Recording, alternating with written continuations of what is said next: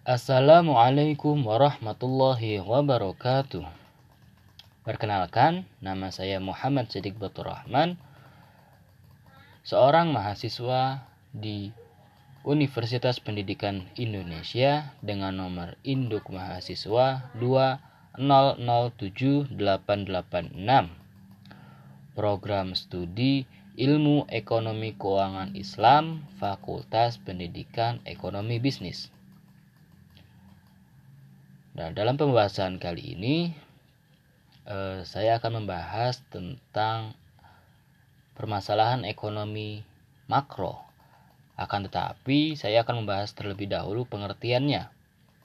Nah, ekonomi makro adalah studi tentang ekonomi secara keseluruhan. Makroekonomi menjelaskan perubahan ekonomi yang mempengaruhi banyak masyarakat, perusahaan, dan pasar.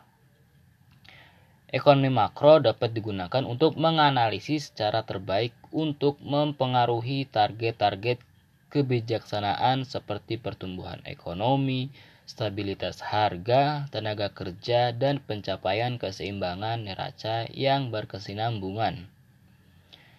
Teori ekonomi makro timbul dengan diawali adanya kemerosotan perekonomian Amerika Serikat yang disebut depresi atau The Great Depression pada tahun 1929 dan puncaknya terjadi pada tahun 1932. Nah, pada puncak kemerosotan ekonomi ini, seperempat dari tenaga kerja di Amerika Serikat menganggur dan pendapatan nasionalnya mengalami kemerosotan yang sangat tajam. Oleh karena itu, terjadilah kemunduran ekonomi yang sangat meluas ke seluruh negara, industri, dan negara-negara miskin. Nah, tujuan ekonomi makro untuk menganalisa peristiwa ekonomi yang memperbaiki dan memperbaiki kebijaksanaan seperti pertumbuhan ekonomi, stabilitas harga, tenaga kerja, dan pencapaian keseimbangan neraca yang berkesinambungan. Nah, di samping itu, eh, terdapat masalah ekonomi makro.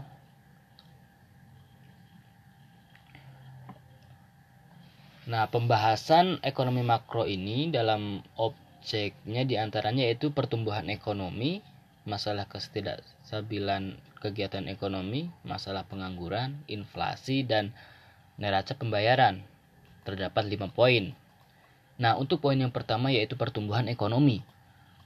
Pertumbuhan ekonomi merupakan suatu kondisi perkembangan dalam kegiatan perekonomian yang menyebabkan kapasitas barang dan jasa yang diproduksi dalam masyarakat meningkat.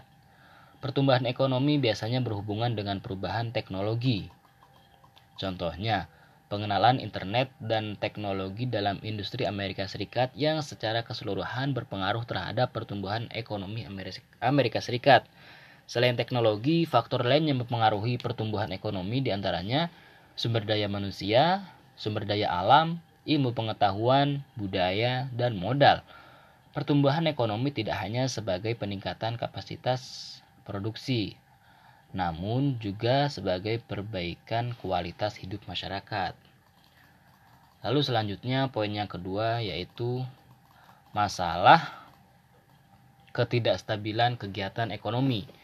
Nah, dalam sistem ekonomi bebas atau ekonomi pasar, kegiatan ekonomi sering kali pasang surut. Kadang pertumbuhan ekonomi berjalan cepat, lambat, atau bahkan merosot.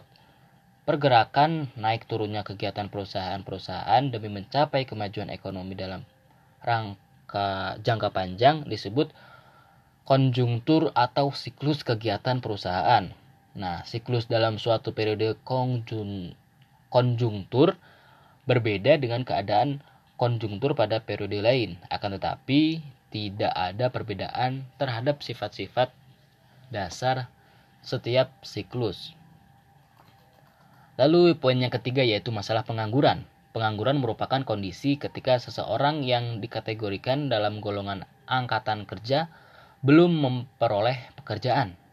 Hal ini dapat terjadi karena beberapa faktor, di antaranya yaitu yang pertama, ingin meninggalkan pekerjaan lama untuk mendapatkan pekerjaan baru yang lebih baik. Yang kedua, kekurangan pengeluaran agregat.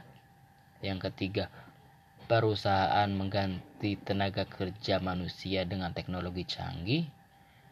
Dan yang keempat, ketidaksesuaian keterampilan pencari kerja dengan yang dibutuhkan industri. Nah, hal-hal tersebut eh, adalah faktor sebagian faktor terjadinya pengangguran. Oke, lanjut permasalahan ekonomi makro yang keempat, yaitu inflasi. Inflasi adalah kondisi di mana harga naik secara umum dan terus-menerus. Terdapat empat golongan inflasi, yaitu ringan, inflasi sedang, berat, dan hiperinflasi. Pada inflasi ringan, kenaikan harga berkisar di bawah 10%, sedangkan pada hiperinflasi atau inflasi tak terkendali, kenaikan harga berada di atas 100% setahun. Nah, inflasi dapat Nah, inflasi ini dapat terjadi karena beberapa hal seperti ketidak, ketidakseimbangan pengeluaran agregat dibandingkan dengan kemampuan perusahaan yang menyediakan barang-barang, tuntutan kenaikan upah oleh pekerja, kenaikan harga-harga barang yang diimpor hingga kekacauan politik dan ekonomi. Lalu selanjutnya yang terakhir yaitu terdapat e, faktor masalah eh, masalah ekonomi makro yaitu masalah neraca perdagangan dan pembayaran.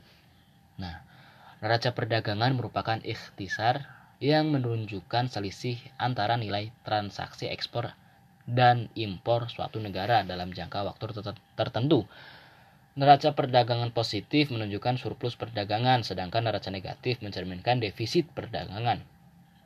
Sementara itu, neraca pembayaran merupakan gambaran yang menunjukkan aliran pembayaran yang dilakukan dari negara-negara lain ke dalam negeri dan dari dalam negeri ke negara-negara lain dalam satu tahun tertentu. Aliran tersebut mencakup aliran penerimaan ekspor serta pembayaran impor barang dan jasa, lalu aliran penanaman modal asing dan pembayaran penanaman modal asing, lalu yang terakhir yaitu aliran keluar masuk modal jangka pendek seperti deposito di luar negeri.